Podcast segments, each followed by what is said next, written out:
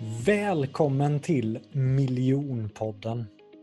Det finns tusentals föreläsare, coacher, konsulter där ute, men bara ett fåtal kan faktiskt försörja sig på det.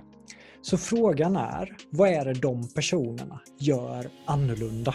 Varför lyckas vissa personer som föreläsare eller coach och vissa misslyckas?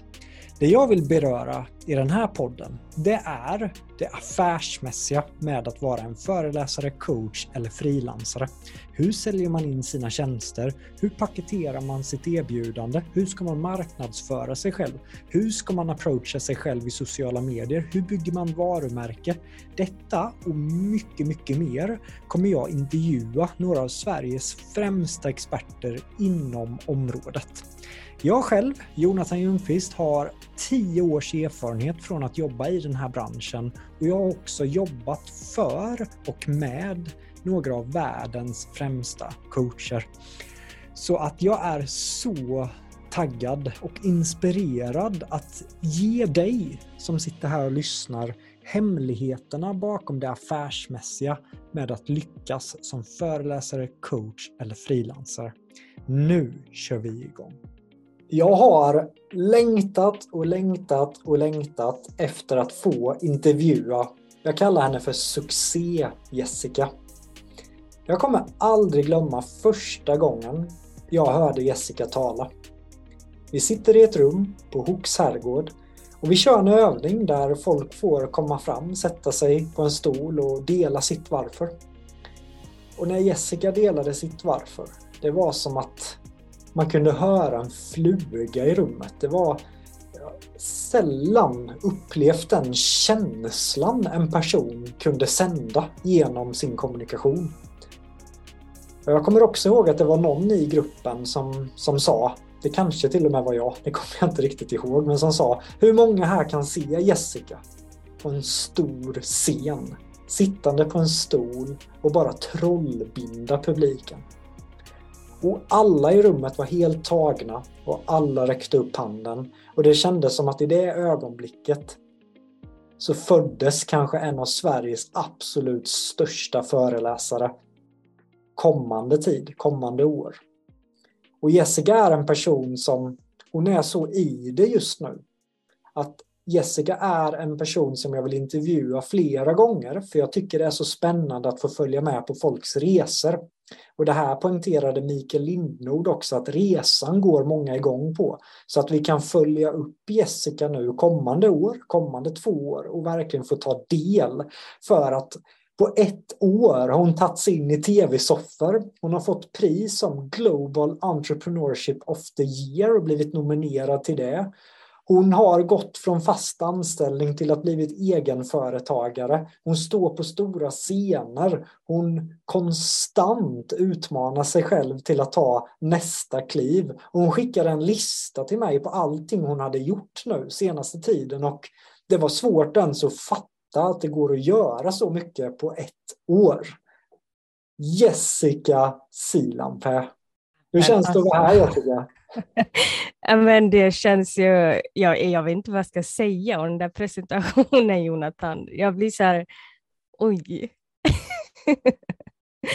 Ja, men som jag sa i inledningen, jag har fått mycket feedback på mina intros och nu blir det som en grej att nu måste jag köra på rejält. Det kommer alltid från hjärtat. Jag brukar ta 15 sekunder innan vi slår på record och landa, känna in känslan och sen Sen kör jag och det kändes väldigt roligt att eh, presentera in dig i den här podden. Och det är också väldigt roligt att vi har många människor med idag som bryr sig om dig, som verkligen älskar det du gör. Vi har Angelica, vi har Maha, vi har Pernilla, vi har Madeleine och vi har Lucy här idag som verkligen med sina hjärtan stöttar dig Jessica. Hur, hur känns det att vara så uppskattad som du är?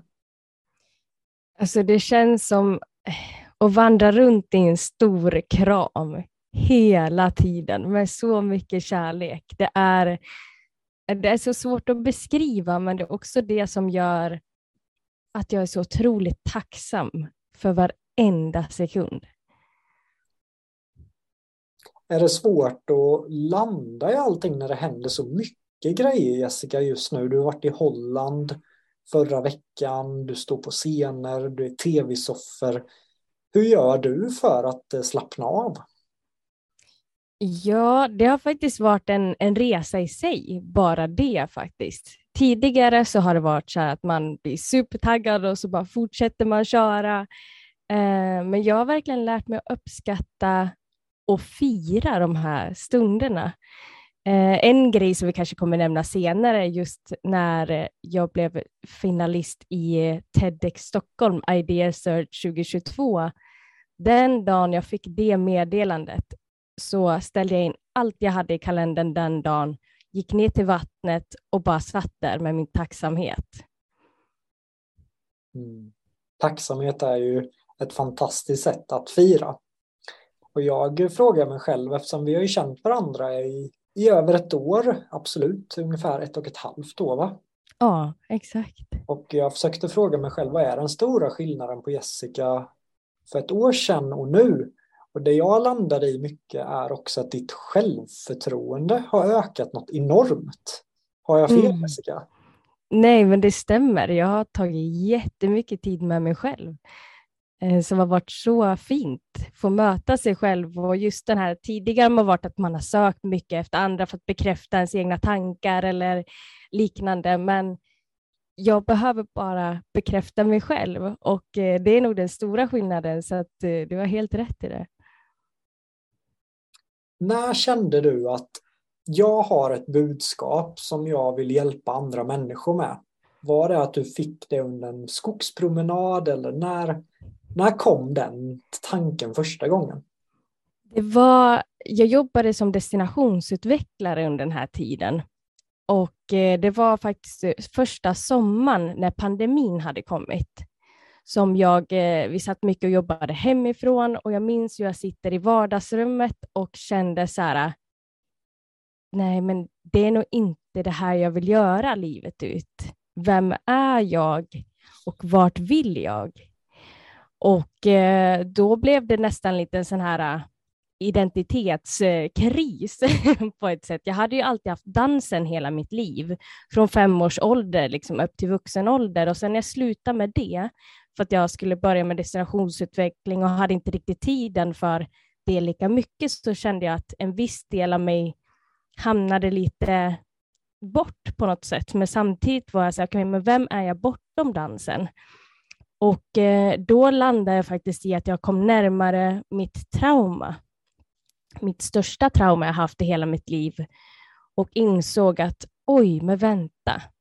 Här är något som jag faktiskt vill hjälpa andra med.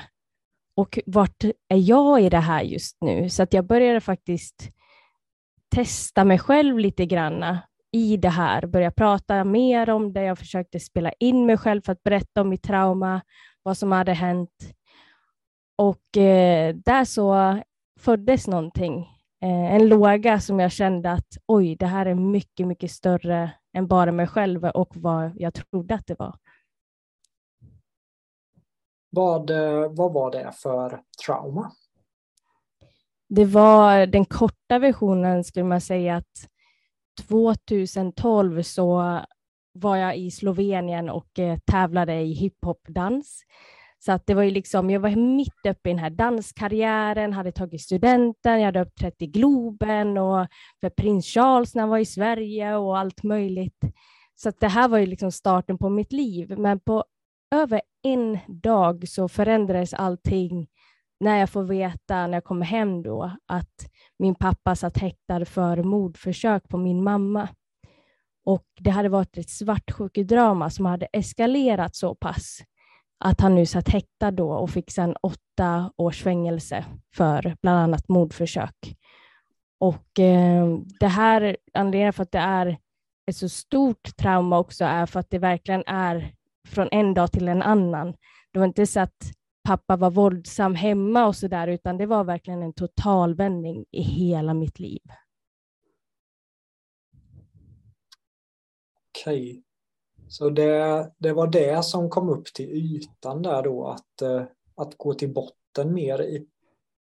Ja, verkligen gå till botten med det, men också hade jag kommit väldigt långt i min egen utveckling kring det och insåg orättvisan i det. Att hur kunde jag som barn och dotter och anhörig inte få någon hjälp i den här situationen?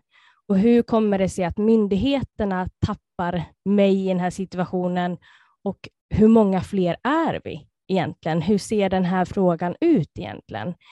Och eh, just det här att få komma närmare triggers och så där så beställde jag ut så att jag verkligen fick liksom läsa igenom domen igen och allting och bara så här, oj, ja men det är fortfarande delar som triggar mig i det här, men jag vill fortfarande göra skillnad, vart börjar jag?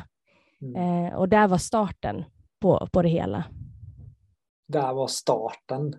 Det mm. tycker jag alltid är så, så häftigt när föreläsare och coacher ser tillbaka och bara, men där börjar det. Mm. Så när det startar då Jessica, vad kollar du upp att jo men som föreläsare kan jag hjälpa eller som coach eller hur gick tankeverksamheten där? Jag eh, tog faktiskt kontakt med en som jag kände på Fryshuset som jobbar just mycket med, jag gick i gymnasiet på Fryshuset, men de har jättemycket så avhopparverksamhet och liknande. Så att en kontakt där som jag minns sen gymnasiet kontaktade jag och så skrev jag, jag tror du är rätt person att kontakta. Och sen så skrev jag om liksom min resa, vad som hade hänt efter gymnasiet, att jag ville göra skillnad och bad henne om råd. Och det slutade faktiskt med att jag kanske två månader senare tror jag fick en inbjudan hem till hennes eh, stuga ute på landet. Och vi skulle liksom bara ta en liten, eh, liksom, en liten fika och prata lite med slutet med att jag var med. Jag var där fyra timmar. Och hon var den första som såg möjligheterna i, i min berättelse. Annars har det ju varit så här, åh men gud, och hur, stackars dig och så här, åh vad jobbigt och så. Men här var det någon som för första gången såg liksom det affärsmässiga i det. Att ja, jag ser det i tv-soffan, jag ser en bok, jag ser en film, jag ser hur det kan påverka myndigheter och bara så här, bara mata massa. Och det var första gången jag bara wow, det är någon som ser potentialen i det här och i, i mig och mina erfarenheter, att jag kan faktiskt göra något på riktigt. Och det var som så här, en ögonöppnare som ledde sen till att jag faktiskt ansökte till mentorsprogrammet på Nyföretagarcentrum. Mm. Och vad hände på mentorprogrammet? Var det andra personer där som såg dig eller vad, vad hände där? Ja, alltså det finns en sån eldsjäl i Nyköping som heter Birgit Bovner. Alltså hon har jobbat med uppstarts, alltså startups och personer som vill starta företag massvis, alltså hur länge som helst och koppla ihop det med mentorer. Så när hon såg mig så var hon så här, oh, jag vet en person som skulle passa perfekt med dig. Sen har hon matchat mig med min mentor jag fick då, Kaxton Newkey. Mm. Och eh, därefter hade vi en, en jättelång fantastisk resa, men Birgit har liksom följt med hela vägens gång, alltid hejat på och så här. Så att eh, Eh, det var just människorna på den här resan har varit så betydelsefull till att jag har tagit steg och liksom nästa steg, nästa steg. Så att eh, det är därför jag säger att just människorna, det är jag så tacksam för de jag har runt omkring mig. Vad, är, vad tycker du är viktigt? För det är många som vill ha en mentor som Birgit. Vad, vad är viktigt på när man ber någon att vara mentor, tycker du Jessica? Nej, men det som är viktigt är verkligen någon som är eh, lyhörd och verkligen lyssnar in så att man både känner sig sedd och hörd men också hör vart man vill någonstans och verkligen utmanar den vägen dit. Det får gärna vara lite tough love, man får gärna utmanas. Men också att för mig är det så, så viktigt att det är liksom genuint och autentiskt, för att är det inte det, då är det inte rätt väg för mig att gå. Så att eh, Birgit var ju den första jag träffade, men mentorn jag fick var ju Kaxton. Och eh, det jag sa till honom var att prio för mig är att ha ett hållbart företagande. Och det var bland det första jag sa på vårt möte. Och hållbart företagande var inte bara för företaget i sig, men också främst för mig själv, för att det är jag som är produkten i mitt företag. Snyggt att du verkligen redan då satte som mål att jag ska ta hand om mig själv under resans gång. Mm. Men här har du en fast anställning samtidigt mm. som du gör det här vid sidan om. Exakt. Hur, för där är det ju många av mina kursdeltagare som när tar man beslutet? Man har ett fast jobb, ska man göra jump, ska man chansa, ska man köra något strategiskt? Hur, hur gjorde du där Jessica, att gå från fast jobb till att bli egen? Det som jag började med faktiskt var att jag hade semesterdagar kvar. Så när jag kom in på det här med att just att jag kom in på mitt, min historia, min trauma och vad jag ville göra med det, så testade jag först att okej, okay, men vart vill jag med det här? Så då hade jag att jag satte ut faktiskt mina resterande semesterdagar varje fredag en tid framåt. Och då, så var jag, då jobbade jag bara måndag till torsdag. Och därifrån kunde jag inse att okej, okay, men det här är någonting större än vad jag trodde att det skulle vara. Så då tog jag faktiskt ett möte med min chef och eh, så sa jag till honom att så här ligger det till. Jag har den här delen och jag skulle vilja ta det vidare. Och är det okej okay att jag startar ett företag vid sidan om? Och eh, vi hade en fantastisk dialog. Alltså jag har nog aldrig haft en så otroligt bra chef som jag har, hade då. Ola heter han och eh, vi gjorde så att han var väldigt så här, eh, när det kommer till den dagen när du måste välja, följ ditt hjärta. Och eh, vi gick faktiskt från att jag var ledig en gång i veckan, så det är på fredagen, så det liksom gick alltid från att jag gick ner på 80 procent till 75 till 50 och sen så satte vi till slut ett slutdatum på när jag skulle sluta. Och eh, anledningen till att för meningen var från början inte att jag skulle sluta. Det var faktiskt att jag skulle jobba liksom vid sidan av med företaget, men sen också kunna jobba kvar. Men sen så insåg jag när han sa det där att när du står där så väl med hjärtat, så kände jag att när jag tog det klivet var faktiskt med hjälp av din kurs Jonathan som jag gick sen till slut också, som var under den här tiden jag fortfarande hade anställningen. Men när jag satte slutdatumet var faktiskt med hjälp av, av kursen och sen kursdeltagarna, för att jag fick så otroligt stöd och under den här tiden så växte jag så mycket som person och kände att nej, det här är meningen med mitt liv, jag måste göra det bara.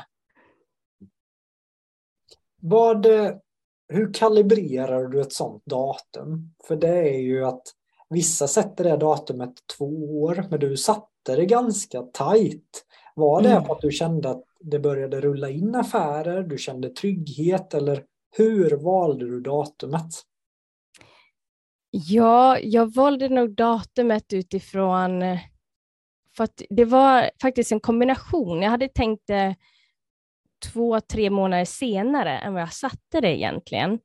Men det var en, eh, jag hade hela tiden dialog med min chef och så här, och han, eller det var en som skulle komma tillbaka från mammaledigheten. Så att vi, vi började prata lite och jag kände så här, jag vill ge så mycket mer tid till mitt företag och sen så kom hon tillbaka. Så vi hade faktiskt en gemensam dialog att ja, när hon kommer tillbaks i det, den vevan så kommer jag gå. Eh, men det var också så otroligt lägligt för att redan dagen efter, första dagen jag var 100% egen, det var ju då jag satt i tv-soffan hos Malou efter tio, så eh, det startade ju väldigt, väldigt bra. Och hur, eh, hur kom du in i tv-soffan? Alltså du har, du har då precis tagit steget och direkt det folk kämpar ibland två decennier för att få göra. Hur sjutton kom du in i tv-soffan så snabbt? Men alltså jag mejlade faktiskt. Jag, jag var inne och tittade på, liksom, vi ser TV4, Expressen och allt sånt där. Alla har ju ofta så här en tipsmail som man kan skicka in till. Så att jag skaffade liksom ihop en sån lista, men sen så var det ju främst för att jag nominerade ju min mentor jag hade då som eh, Mentor of the year. Och han vann ju både på liksom regional nivå, nationell nivå och sen på global nivå. Och hela den vägen så skickade jag in ett mejl till TV4. Och eh, så de hade liksom följt de här mejlen, men sen sista mejlet där så ringde hon en dag och så sa hon det att ja, men, hon ringde från Malou och sen att hon hade sett mina mejl och det hade ju blivit typ så tre, fyra stycken. och jag tänkte så här, men de har väl inte tittat på det här, men varför inte? Inget att förlora.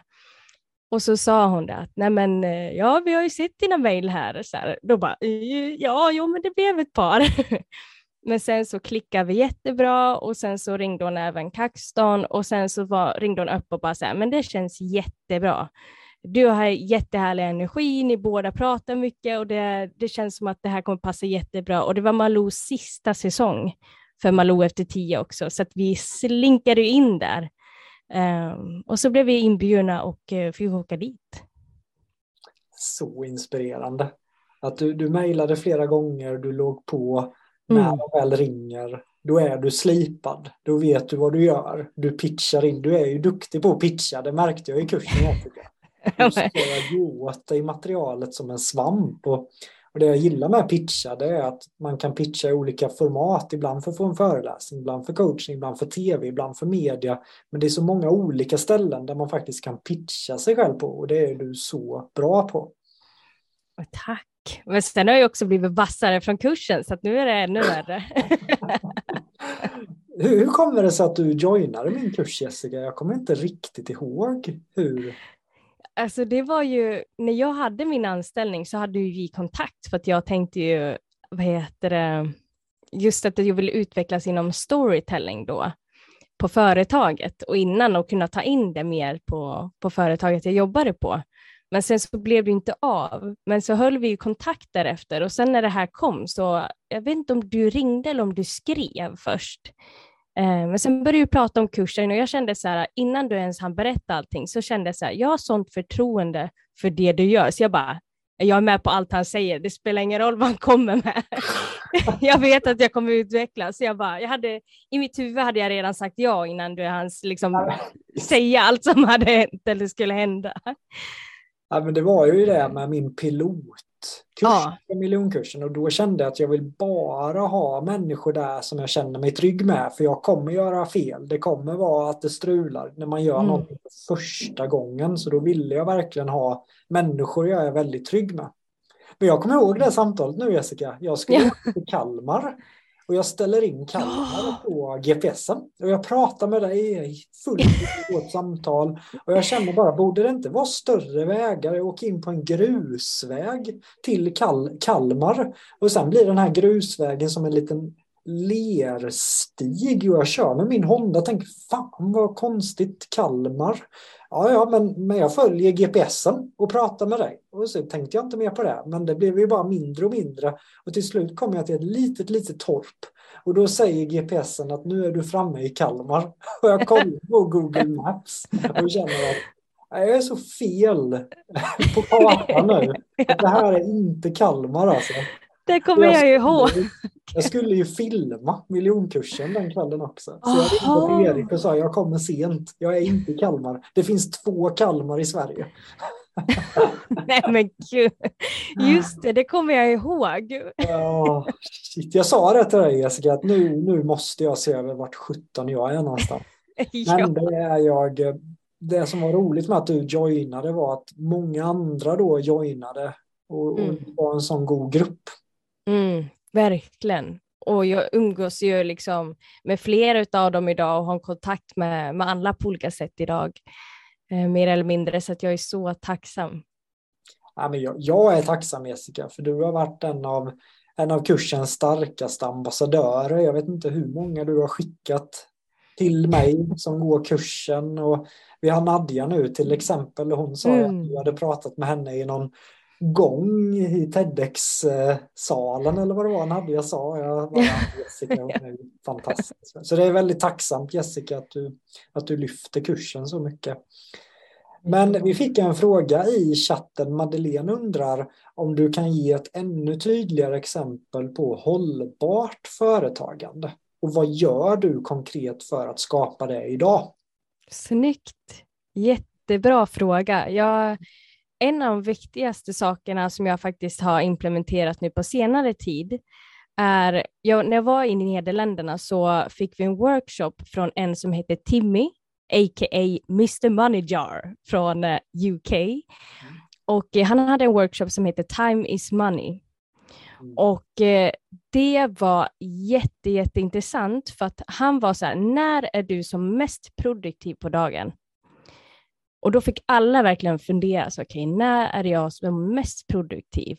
Ja, men ifall jag ska göra någonting liksom fysiskt med, om det är med podd eller liknande, ja, men då någonstans mellan 10 och 2, då tycker jag att det är rätt så nice att göra någonting socialt.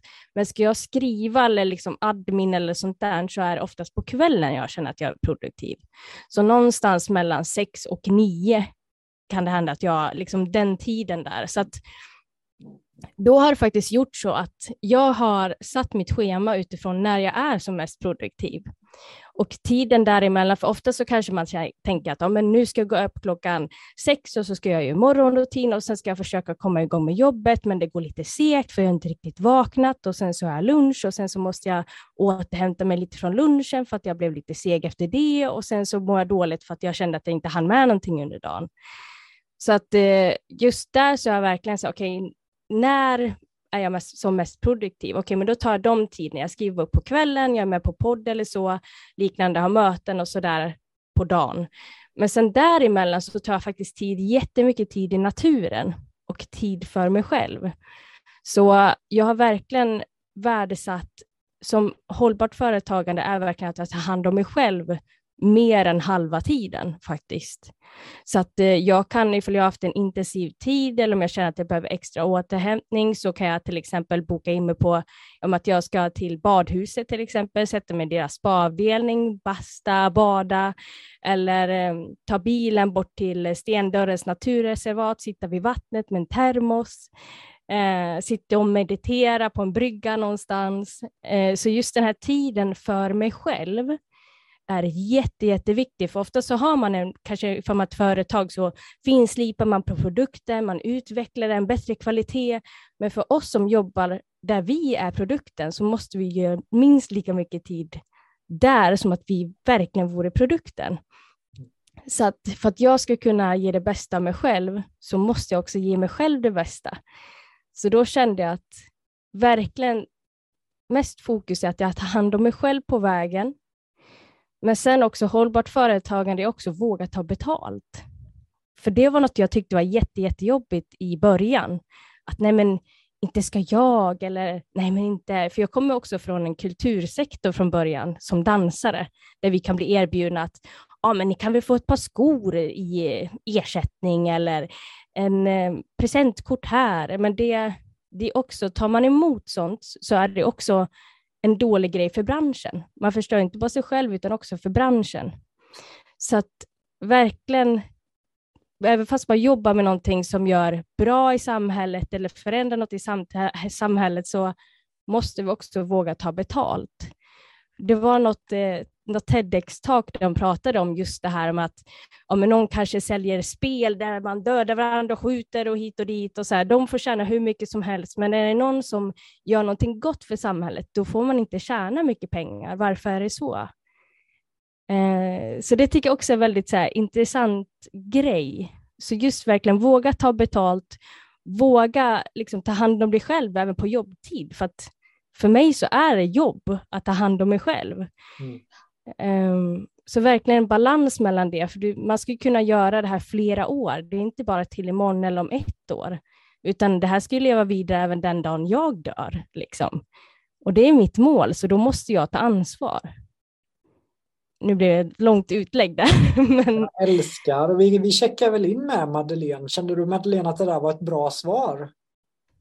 Alltså det var ju över förväntan. Ja, verkligen jättebra. Jag älskar sättet du säger det här att sätta schemat efter din produktivitet. För det tror jag att vi är många som inte tänker på. Utan vi är fortfarande så vana vid det här mönstret 8 till 5 någonstans. Ja. När man som egen företagare får möjlighet att verkligen, när är jag som bäst? Mm. Så är det så självklart att vi ska ta, ta vara på det nu när du säger det. Toppen, ja, jättebra. Älskar svaret. Och du, du, gav ju mig det tipset förra veckan Jessica. Mm. Och jag har varit så inrutad när jag blev farsa att jag vill inte jobba på helgerna och jag ska inte jobba på kvällen. Men samtidigt vet jag att jag är extremt kreativ när ingen stör mig. Och så sa du det där tipset till mig förra veckan. Och jag kände i söndags att jag har alldeles för mycket saker i mitt huvud just nu. Mm. Så jag tog fram en whiteboard i söndags, skrev ut allting som jag hade i huvudet och förde in det i Asana och delegerade till Erik och Lovisa. Alltså. men, men, men, jag fick bort det i huvudet och även om det var söndag så kändes det fantastiskt skönt. Det tog tre timmar. Lovisa oh. chock sa på, på måndag morgon. Men, men det var tack vare dig för jag kände att ja, jag är som mm. mest kreativ med admin när ingen ringer mig, när jag inte behöver förbereda mig för att intervjua eller coacha. Så, så jag älskar mm. det tipset också Jessica. Det var superbra att Madeleine lyfte det och du sa ju det här med att våga ta betalt också. Mm. Vad är det som har gjort att du nu vågar ta betalt på ett annat sätt? Vad är det framför allt du har jobbat med där känner du Jessica? Alltså egentligen värdet i det jag kan leverera. Jag insåg att det jag sitter på är en nisch som inte många sitter på. Det, den största utmaningen är, alltså just i det är att det är ingen som har gjort det jag gör. Så därför är det, det är skitkul, jättespännande och jag får forma det precis hur jag vill, men jag har ingen jag kan följa. Så att när jag kommer i liksom stunder där jag känner att nu skulle jag behöva någon där jag kan liksom titta på någon eller så här, så har inte jag det. Så att eh, jag tycker just den delen är väldigt intressant i sig, men just när jag har hittat den här nischen också så har jag också känt att det här är något som verkligen behövs. Det här är något som jag har ansvar för att det kommer ut. Och det har också gjort att jag har känt att men det här är värt pengar. För att jag kan inte... Kan, alltså ska jag leverera det här, det är klart att man känner så här, oh, men jag vill bara att det ska bli bättre i samhället. Absolut, det är största faktorn. Men pengar gör ju också att det finns en chans att kunna hjälpa ännu fler. Jag har fått ändra mitt mindset kring pengar. Jag har fått liksom krossa gamla sanningar om pengar. Alltid fått höra om hur man ska jobba hårt, man ska jobba 24-7 och tjänar man liksom hur mycket som helst så har du nästan slitit sönder på din hälsa och ju mer du jobbar, ju mer du gör, lägger du 150 procent, ja, men då får du jättemycket beröm. Men det jag insåg är att ja, men jag kan jobba mindre men tjäna mer. Mm. Och jobbar jag mindre så gör jag också att jag mår bättre, de runt omkring mig mår bättre, men att jag också tjänar mer att göra också att jag kan ge mer. Både av min tid och genom pengar. Så för mig så är det också ett ansvar att jag faktiskt börjar våga ta betalt, för det gör också att jag kan hjälpa fler i långa loppet. Och eh, jag har liksom börjat känna så här, ja men just det här att jag försökte hitta ansvaret i mig själv, att när jag insåg det är ett större ansvar, då kände jag helt plötsligt att nu känns det här okej. Okay. Det är okej okay att ta bra med betalt för att jag kommer hjälpa så många fler och jag är liksom direktlänken till de de försöker nå. Och det är liksom värt, värt pengarna. Sen kommer jag också, liksom när man bokar mig så kommer jag alltid, bokar man direkt via mig kommer jag donera pengar som hjälper Mm. anhöriga. Målet är också faktiskt jobba eller liksom kunna hjälpa med just välgörenhet, speciellt psykisk ohälsa och sådär. Också mycket kommer från för att jag har sett min mamma leva i, eller jag har sett bilder bara, men liksom ett plåtskjul i Bangkok till att hon idag bor i Sverige och driver företag och är en av mina största inspirationer.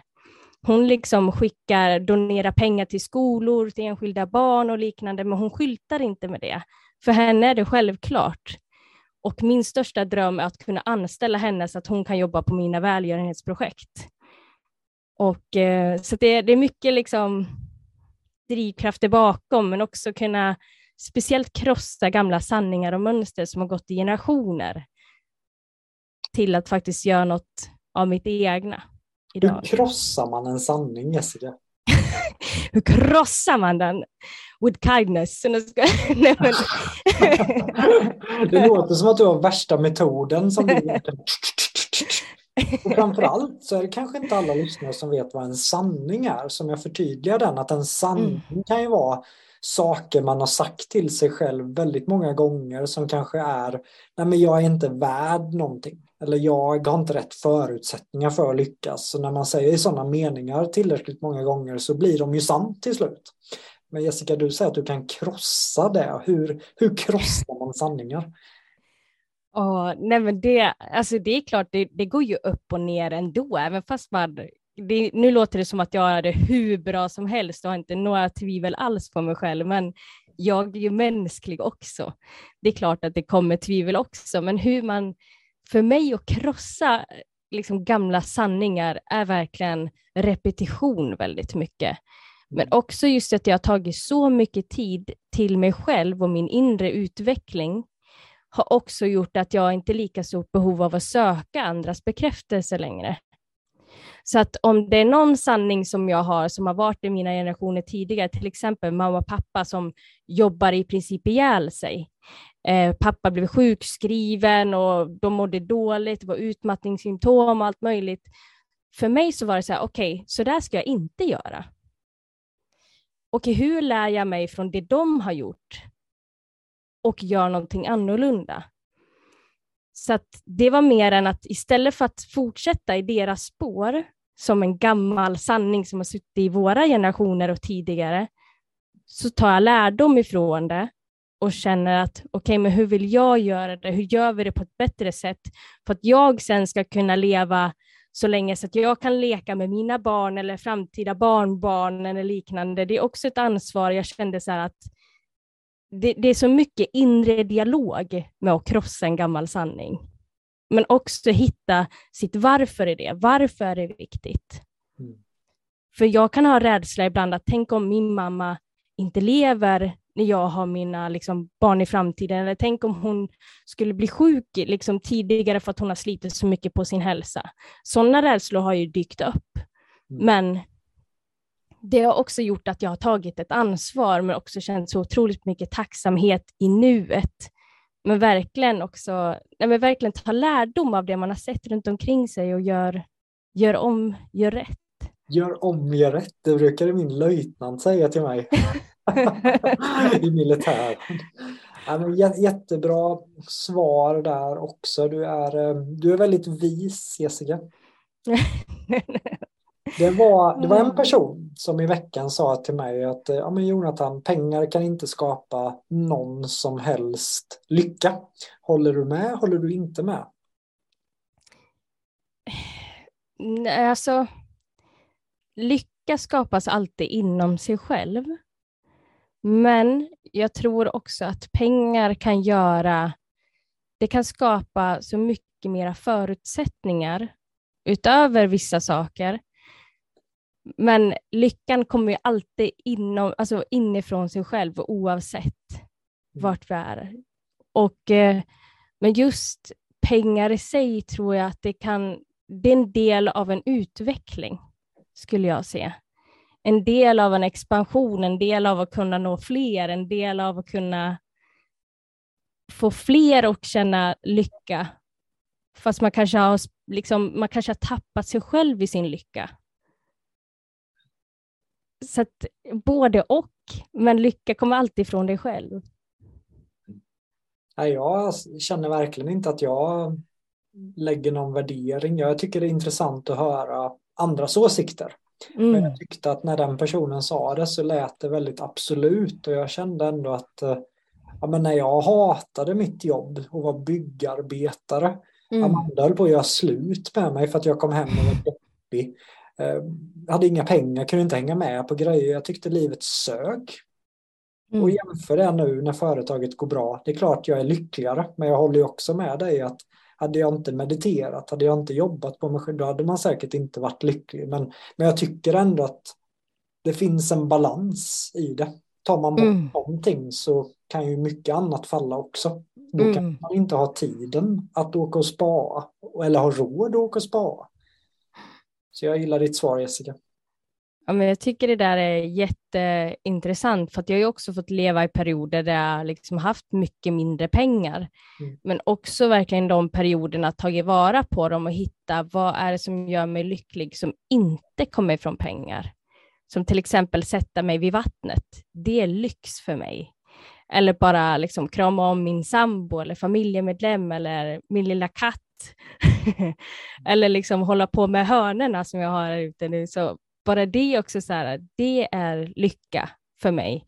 Så att man kan nog hitta lycka i oavsett vart man är, men jag tror man kan lära sig väldigt mycket om, om lycka, vare sig pengar eller inte. Men det är väldigt, väldigt intressant. Vad, eh, vi fick en fråga i, från publiken nu, att när du är unik och du inte riktigt kan ta rygg på folk, hur vet du då hur du ska prissätta dig, undrar Maha.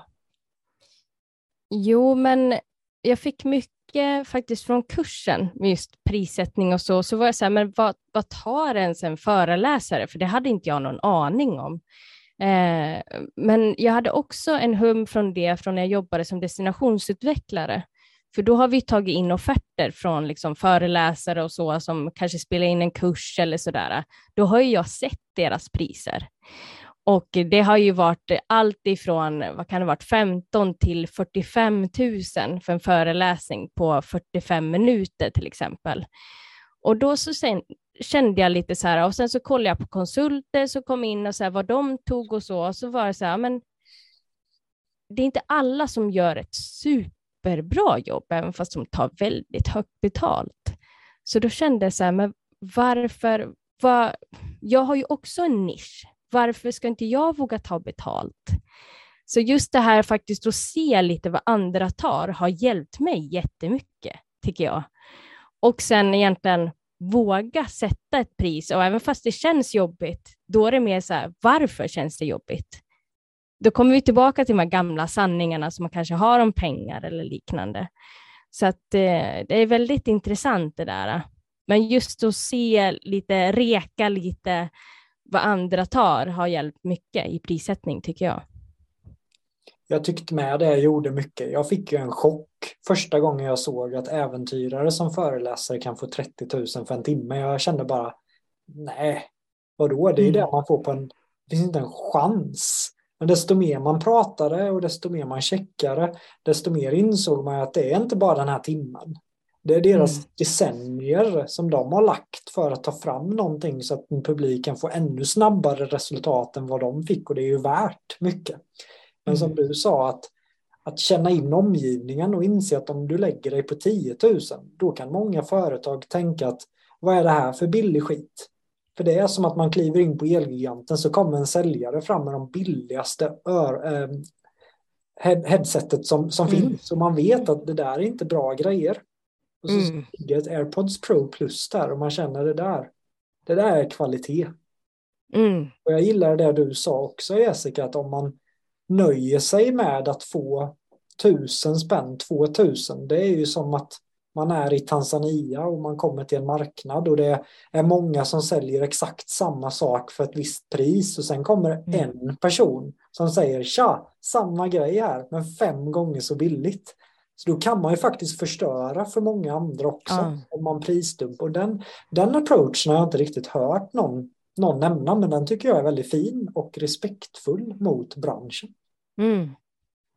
Men verkligen, man har ju så ett större ansvar, som just det där när jag fick från, från dansdelen där. Men jag känner även samma i den här branschen, att skulle jag ta superbilligt betalt, nej men då gör inte jag branschen en tjänst heller, för då värdesätter jag inte heller det vi levererar, vilket är helt fantastiskt.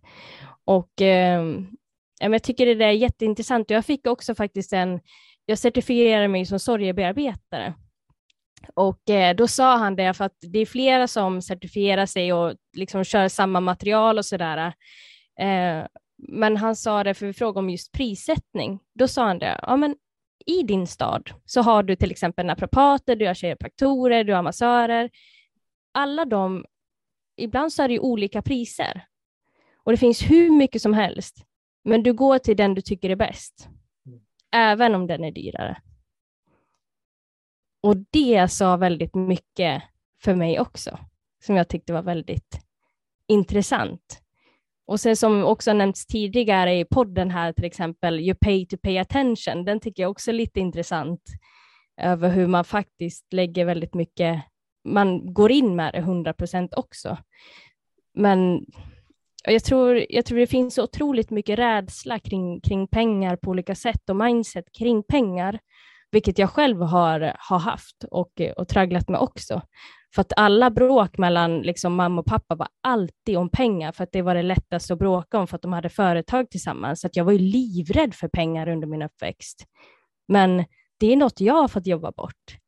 Liksom mina triggers och sen liksom komma närmare. Sen har jag till och med gjort en sorgebearbetningsprocess på pengar. så det är också väldigt så här, bara för att hantera det så mycket som möjligt att, och sen starta om min relation med pengar. Mm. Du har verkligen jobbat hårt med dig själv, det, det märks. Hur, hur fick du dina, när du tog klivet och du kom mm. ut där, hur fick du de första kunderna? Var det via tv-soffan eller hörde du av dig eller hur fick du de första betalda giggen? Jag fick faktiskt mitt allra första liksom, betalda stora föreläsningsjobb var faktiskt för kommunen, eller arenor kan man säga för kommunen. Så att eh, det var under dansens dag. Jag har ju, de vet ju mycket om mig kring dansen och så där sedan tidigare, men jag gjorde faktiskt en dansmonolog. Så att jag gjorde en dansuppsättning som var digitalt. Det här var ju under coronan då. Men sen så kombinerade jag det med föreläsningarna i. Så att jag fördjupade vissa känslor i det jag sa med dansinslag. Så att det var faktiskt min första, första föreläsning. Så det var för kommunen. Så att det, det var väldigt, väldigt intressant. Och där insåg jag också att shit, men även fast jag har en stor erfarenhet och bakgrund kring dansen så kan jag faktiskt implementera det, för att jag har ju stått på scenen, bara att jag inte använt rösten tidigare. Så nu det, kör jag båda. Det tycker jag alltid blir spännande när man kan tillföra nya dimensioner i sin mm. föreläsning. Har du sett eh, Pinks eh, dokumentär på, eller film på Netflix, Jessica? Nej, det har jag inte gjort. Nej, men hon, eh, Alicia, jag fick henne som förebild rejält. Hon, mm. hon kör världsturné så får man följa när hon har sin familj med sig. Men det jag tyckte var så coolt med Alicia, det var ju att hon, hon höll på mycket med gymnastik när hon var barn. Och hon är mm. dansare och hon är sångare.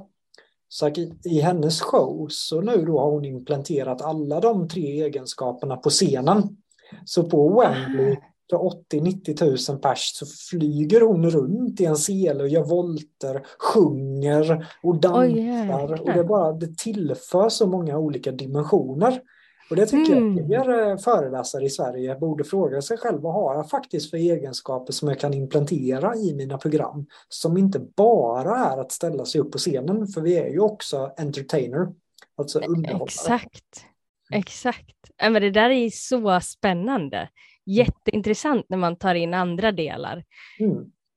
Det är jätte, jätteroligt. Jag gjorde faktiskt det också på min senaste föreläsning, eller seminarium som jag hade.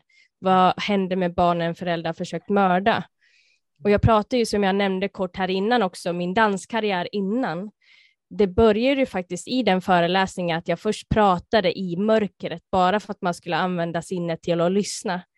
Och sen så tog jag faktiskt och använde dansen sen för att uttrycka just dansdelen och därifrån tog jag upp från när jag var just i Slovenien och gick sen direkt in på vad som faktiskt har hänt eh, i berättelsen. Så att jag tar dem ju tillbaka lite till min liksom, dansvärld som jag var i då, så att man också får se verkligen skiftet i oj, det var det här hon var på väg i, men nu bara förstördes hela hennes dröm? Vad hände? Mm. Och en av de som sitter och lyssnar idag här, Pernilla, var ju faktiskt där också på plats. Så att det eh, är jätte, jätteroligt. Vad, eh, vad gjorde du främst då, konkret för att få mejlar och du beslutsfattare på kommunen? Postade du på LinkedIn? Höll du gratis gig eller vad, vad gjorde du för konkreta actions till att få de här uppdragen? Jag hade ju mycket, som det på kommunen där var det ju kontakt sedan tidigare. Hon frågade just med dansdel, men då sa jag att ja, men jag kör inte så mycket dansen längre, men jag har det här. Mm. Och då var jag så här, oh men vänta, det här är ju intressant. Och så gick vi vidare där. Sen så har jag ju både mejlat, men också lagt jättemycket tid nu mer på LinkedIn faktiskt. jag höll ju inte på med LinkedIn eller var så mycket på LinkedIn innan. Men efter kursen med dig där Jonathan så kände jag att LinkedIn vill jag lägga mer krut på för det är där som mina uppdragsgivare finns. Och eh, för det jag får liksom via Instagram och sånt där, det är mer, liksom, det är mer anhöriga och det, det har fortfarande kvar för att kunna vara liksom, nå dit. Men just när jag är uppdrag så är det LinkedIn faktiskt och mycket så här, mun mot mun, eh, kontakter sedan tidigare. Så att det är också så här att de jag har väldigt nära mig, när de hör någonting, om en anhörig av ett brott eller om det är någonting med brottsförebyggande så blir det så här, men vänta, har du kontaktat Jessica förresten? Mm. Så att eh, för mig är det väldigt viktigt med relationer. För att det är också, vi gör ju affärer med människor. Och känner vi en trygghet eller ett förtroende för en människa så är det också mycket lättare att kunna göra ett utbyte med ett uppdrag. Liksom. För att man också vet att den här verkligen levererar och den här vill väl och det här är en, en bra människa. Så det, jag utgår väldigt mycket från det, för att när jag till exempel tackar nej till något, eh, eller om jag får kanske ett erbjudande om någonting, att ja, men vill du hoppa på den här kursen, känns inte den personen bra, då tackar jag nej. Så jag agerar ju själv så i andra uppdrag, ifall det kommer till mig. Och sen även folk runt omkring mig också. Så att eh, just det här relationen med människor tycker jag är jätteviktigt. Och det går ju hand i hand med din eh, unika förmåga och nätverk också eftersom du är så genuin, du är dig själv, du bryr dig om andra människor så är det som att LinkedIn och din nätverkningsapproach gör att du får kunder. Mm. Och det är också lite så här, LinkedIn så var jag först lite så här, för det är oftast en plattform många är rädda för, att man säger men det är så affärsmässigt och man måste vara liksom så fyrkantig och så, men jag var så här, jag har alltid tyckt om att våga sticka ut, våga göra annorlunda, så att även fast jag skriver kanske ibland mera berättande eller om det är någonting, så kan det fortfarande vara sälj, även fast det inte är köp det här, mm. utan så här gick det på den här föreläsningen, de och de och de var där och vi gjorde skillnad. Det, det ser ju fortfarande någonstans att jag gör någonting och så kanske till och med att min mailadress står på slutet eller ja. Så, att du, så ett exempel är ju som när jag var med i Youtube-kanalen Dialogiskt. Mm. Det kom ju från anledningen till att jag fick vara med det var först för att jag själv hade kontaktat och pratat med honom, men sen slutade det ju med att fyra pers från olika håll hade connectat mig med honom och tyckte att jag skulle vara med. Så till slut var han så här, vem är det här? så han hade till slut sen frågat mig om jag ville vara med. Snyggt.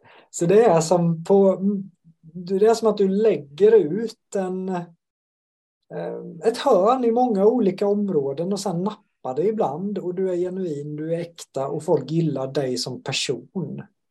Och då vet man aldrig vad som händer.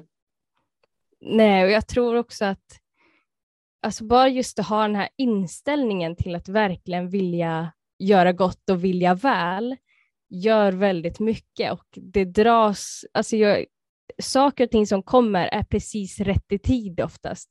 Mm. Ja, men det här kommer och det är exakt, alltså det är så här, allt bara klaffar. Mm. Och det dras till en det man behöver tror jag som, som egen, vi fick en fråga från Angelica också, att som egenföretagare så är det ju ändå en emotionell berg och dalbana. Att ibland det känns som mm. att allting går in och sen kommer det eh, momsbesked helt plötsligt och summan på företagskontot. Mm. och, och sådana grejer och sen helt plötsligt ringer telefonen inte lika mycket. Hur, när tvivel väl kommer Jessica, hur, hur hanterar du det? Och kommer det till dig? Ja, alltså det, det gör det ju verkligen lite hela tiden ibland. Mm. Och eh, jag ser det också som en, verkligen en resa i personlig utveckling på samma gång.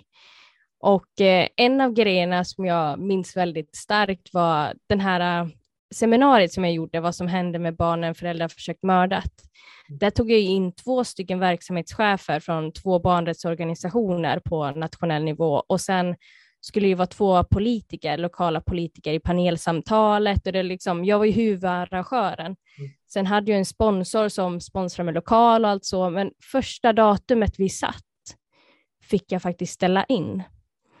Och eh, jag minns att jag hade sån ångest typ en eller två veckor innan, innan liksom premiären för det och som vi skulle ställa in. Men jag kände så här, det här, det känns inte rätt. Och vissa saker hade inte riktigt klaffat än och sådär. Men när vi tog beslutet att så här, men vi, vi skjuter fram datumet, så minns jag att jag kände mig så otroligt misslyckad för att jag hade ställt in. För att det skulle vara liksom den största föreläsningen jag hade gjort. Jag var huvudarrangören, jag hade liksom ansvaret och, så här, och tagit in andra och sådär. Men sen så insåg jag att liksom, jag var så tacksam för att jag satt med de känslorna. Så för mig är det så viktigt att bli vän med det som är obekvämt. För att det är ju minst lika stor del av oss som allt det här lyckliga, härliga, spralliga. Det kan inte finnas om vi inte kan känna den andra delen också. För då hade vi inte vetat skillnaden på det. Så att för mig så var det så här, okej, okay, bara välkomna den här känslan. Hur mår jag i den här känslan? Vad dyker upp i den här känslan? Varför känner jag mig misslyckad? Okej, okay, men det är okej okay att känna mig misslyckad. Det är okej att känna mig besviken.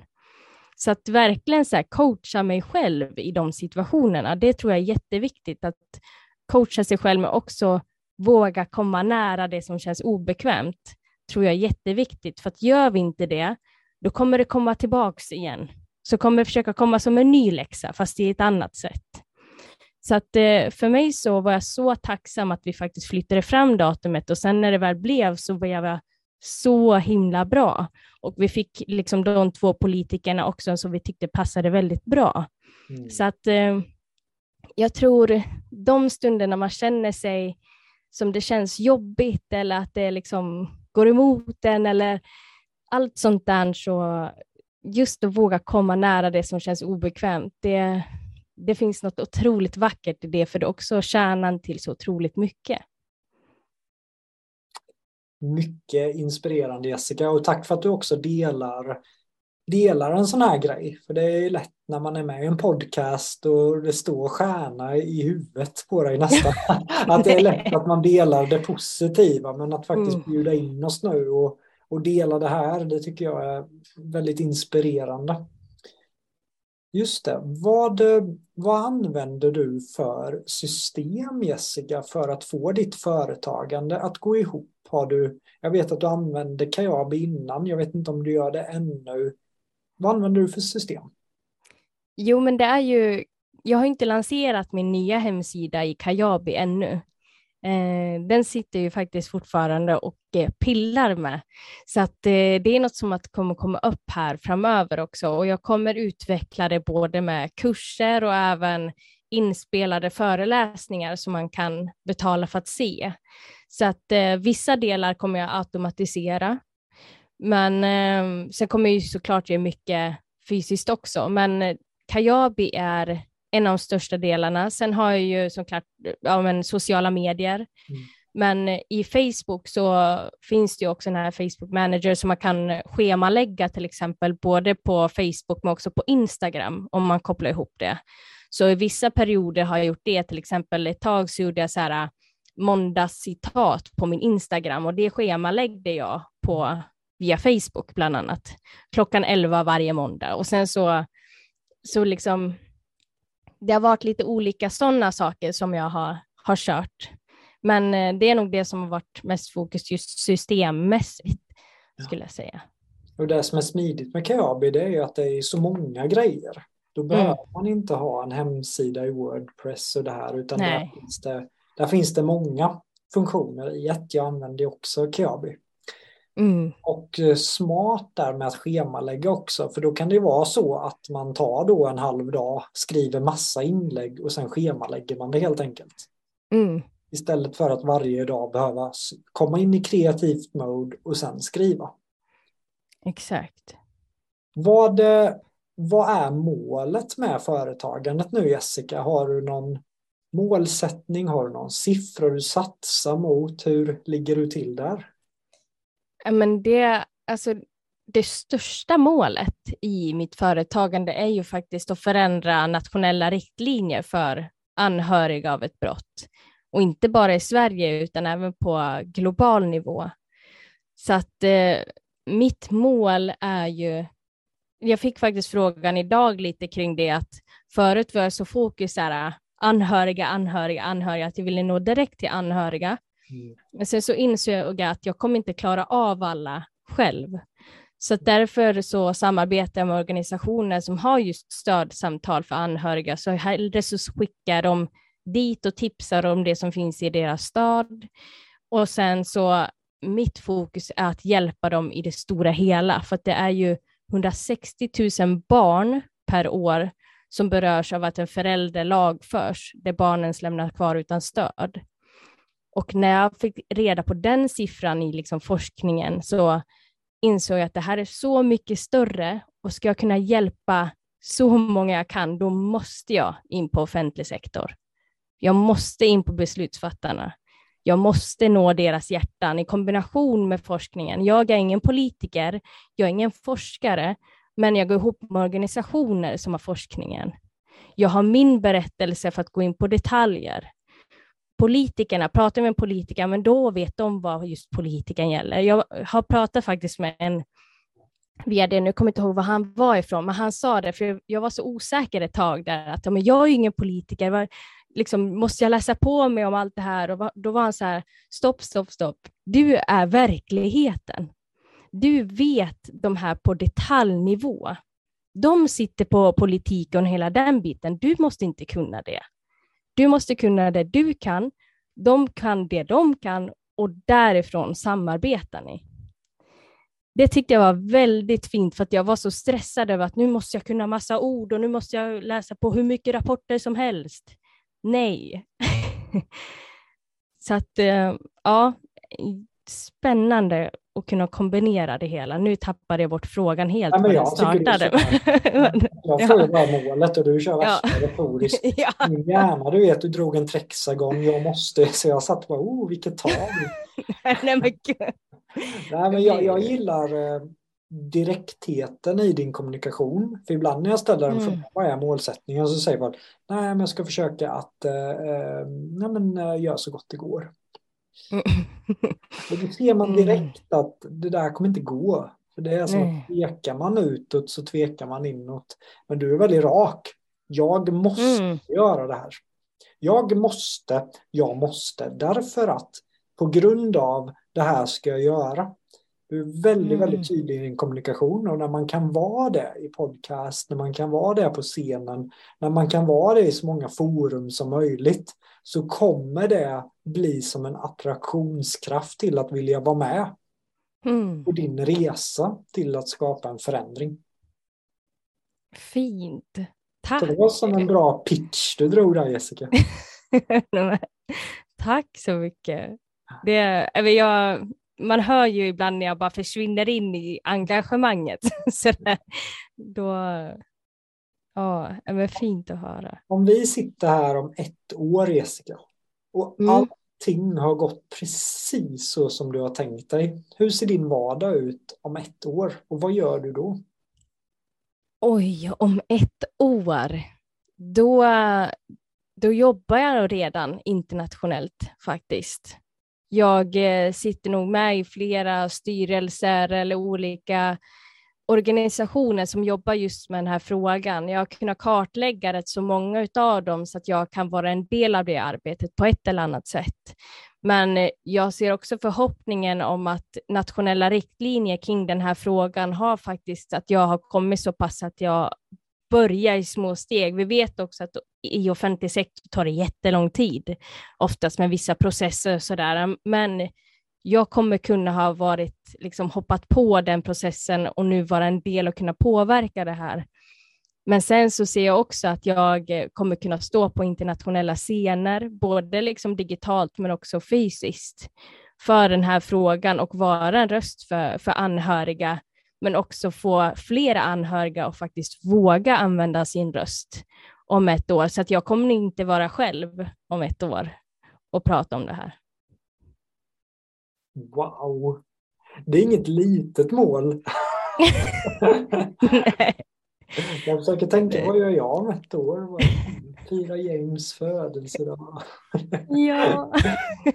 Ja, men jag tycker det är häftigt. Mycket inspirerande och eh, jag tänker att vi ska göra en follow-up på dig också. Så att vi verkligen Kul. för dig Jessica. Vad har varit motgångarna? Vad har varit framstegen? Så att vi verkligen följer upp dig som karaktär i den här podden. Så att man får följa din resa helt enkelt.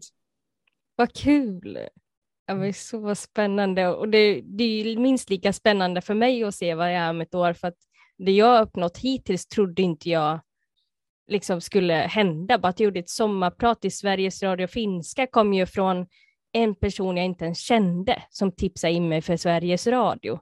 Så att det kan ta så otroligt många spännande riktningar som vi inte har någon aning om men som vi attraherar in bara för att vi är de vi är och lägger fokuset på dit vi vill. Vad vill du skicka med personen som har ett budskap, har någonting man verkligen tänker att det här skulle jag kunna hjälpa andra människor med, men vågar inte riktigt, vet inte var man ska vända sig. Vad vill du säga till den personen, Jessica? Jag skulle nog säga att verkligen sitt med dig själv först, varför det här är så starkt för dig. Vart vill du med det här? Vart vill du att det ska leda?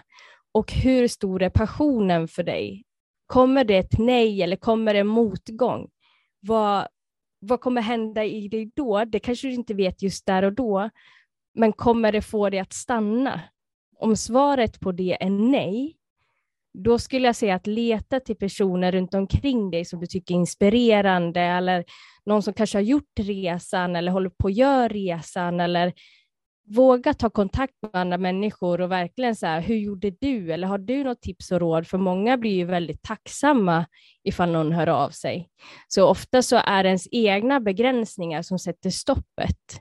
Så att verkligen, just för mig så är det just den här tiden med mig själv, alla de här tvivlen och sådär, har, jag måste ju ta beslutet, så det måste alltid komma från dig, men du kan ta alla andra som inspiration eller som en liten push eller sådär. Men bara kör. Känns det här viktigt för dig, så kör. För att det är så många som vill hjälpa dig, som vill pusha dig. Har du någonting fantastiskt som kan hjälpa människor så finns det otroligt många just i den här branschen som är helt fantastiska i det stödet. Så att våga, bara våga. Jag får klippa ut det här och spela upp för mina kursdeltagare någon, någon torsdagkväll. Du är i flow nu Jessica. Det är nästan så att jag inte vill bryta dig men klockan bara öser iväg här och jag är så Oh. glad över att du kommer joina communityt som vi precis släppte också. Det ska bli Ja, roligt att ha dig där. Vi har också flera i publiken som också kommer vara med i communityt så vi släppte det på en stort event. Och vi saknar dig där Jessica. Ja, då var jag ju i Holland så jag var så jäkla ledsen att det inte kunde komma. Men eh, jag ser fram emot det här communityt för att det här, alltså den här branschen är bland det bästa jag vet. Fantastiskt. Och sen en sista fråga Jessica. Nu har vi för miljonkursen för januari så har vi nu två platser kvar. Vem tycker du ska gå miljonkursen? Den som egentligen, jag skulle nog säga det finns liksom två delar i det här. Antingen om du redan jobbar som föreläsare, coach eller frilansare och känner så här, ja, men som är hungrig efter mer, som är hungrig för utveckling, älskar att utvecklas, är nyfiken, behöver kanske lite extra boost. Då skulle jag säga att det skulle vara för den personen, men också för den som funderar på att ge sig in i branschen som föreläsare eller coach eller just inom ja, frilansare. Och bara så här, ja, men jag vill gärna se hur den här branschen är, okej, men, jag, men jag måste också vara väldigt så här, äh, passionerad i, i det jag gör, jag vill göra förändring och committa, då tror jag verkligen att den här kursen kan vara liksom som en katalysator ut i, i det hela, för det gjorde ju att jag sa upp mig. Alltså det gör ju att jag sitter här idag och eh, det här är den bransch jag verkar i nu. Och det var med hjälp av kursen, så att både i starten men också den som har gjort det här väldigt, väldigt länge, vilket jag tycker är svincoolt, Jonathan, att det kan ge båda. Tack så mycket. Jag kunde inte hålla mig från att fråga nu när du är i sånt flow. Så nu fick jag en tung referens också. Jag norpa dig i det här statet. För det är det jag lär ut i kursen med ju, att man ska fråga när någon verkligen är in the flow. Mm. Jessica, det har varit eh, superinspirerande att hänga med dig den här fredag eftermiddagen. Det är många i publiken som har suttit med ett leende på läpparna och jag är helt säker på att hundratals föreläsare och coacher verkligen kommer att uppskatta det här avsnittet när vi mm. släpper det på Spotify. Stort, stort tack för det här samtalet Jessica. Ja, men tack själv Jonathan och tack så hemskt mycket för att jag fick vara med i podden och ha ett samtal med dig och tillsammans med er som lyssnar här. Det är så tacksamt. Nu kommer det bli en kort Q&A där folk som var med live kommer att få ställa frågor till Jessica men för dig som lyssnade här på Spotify vill jag önska dig en fantastisk kväll tänkte jag säga, men det vet jag inte när du lyssnar på detta avsnittet. Ha det så jättebra allihopa. Hej då!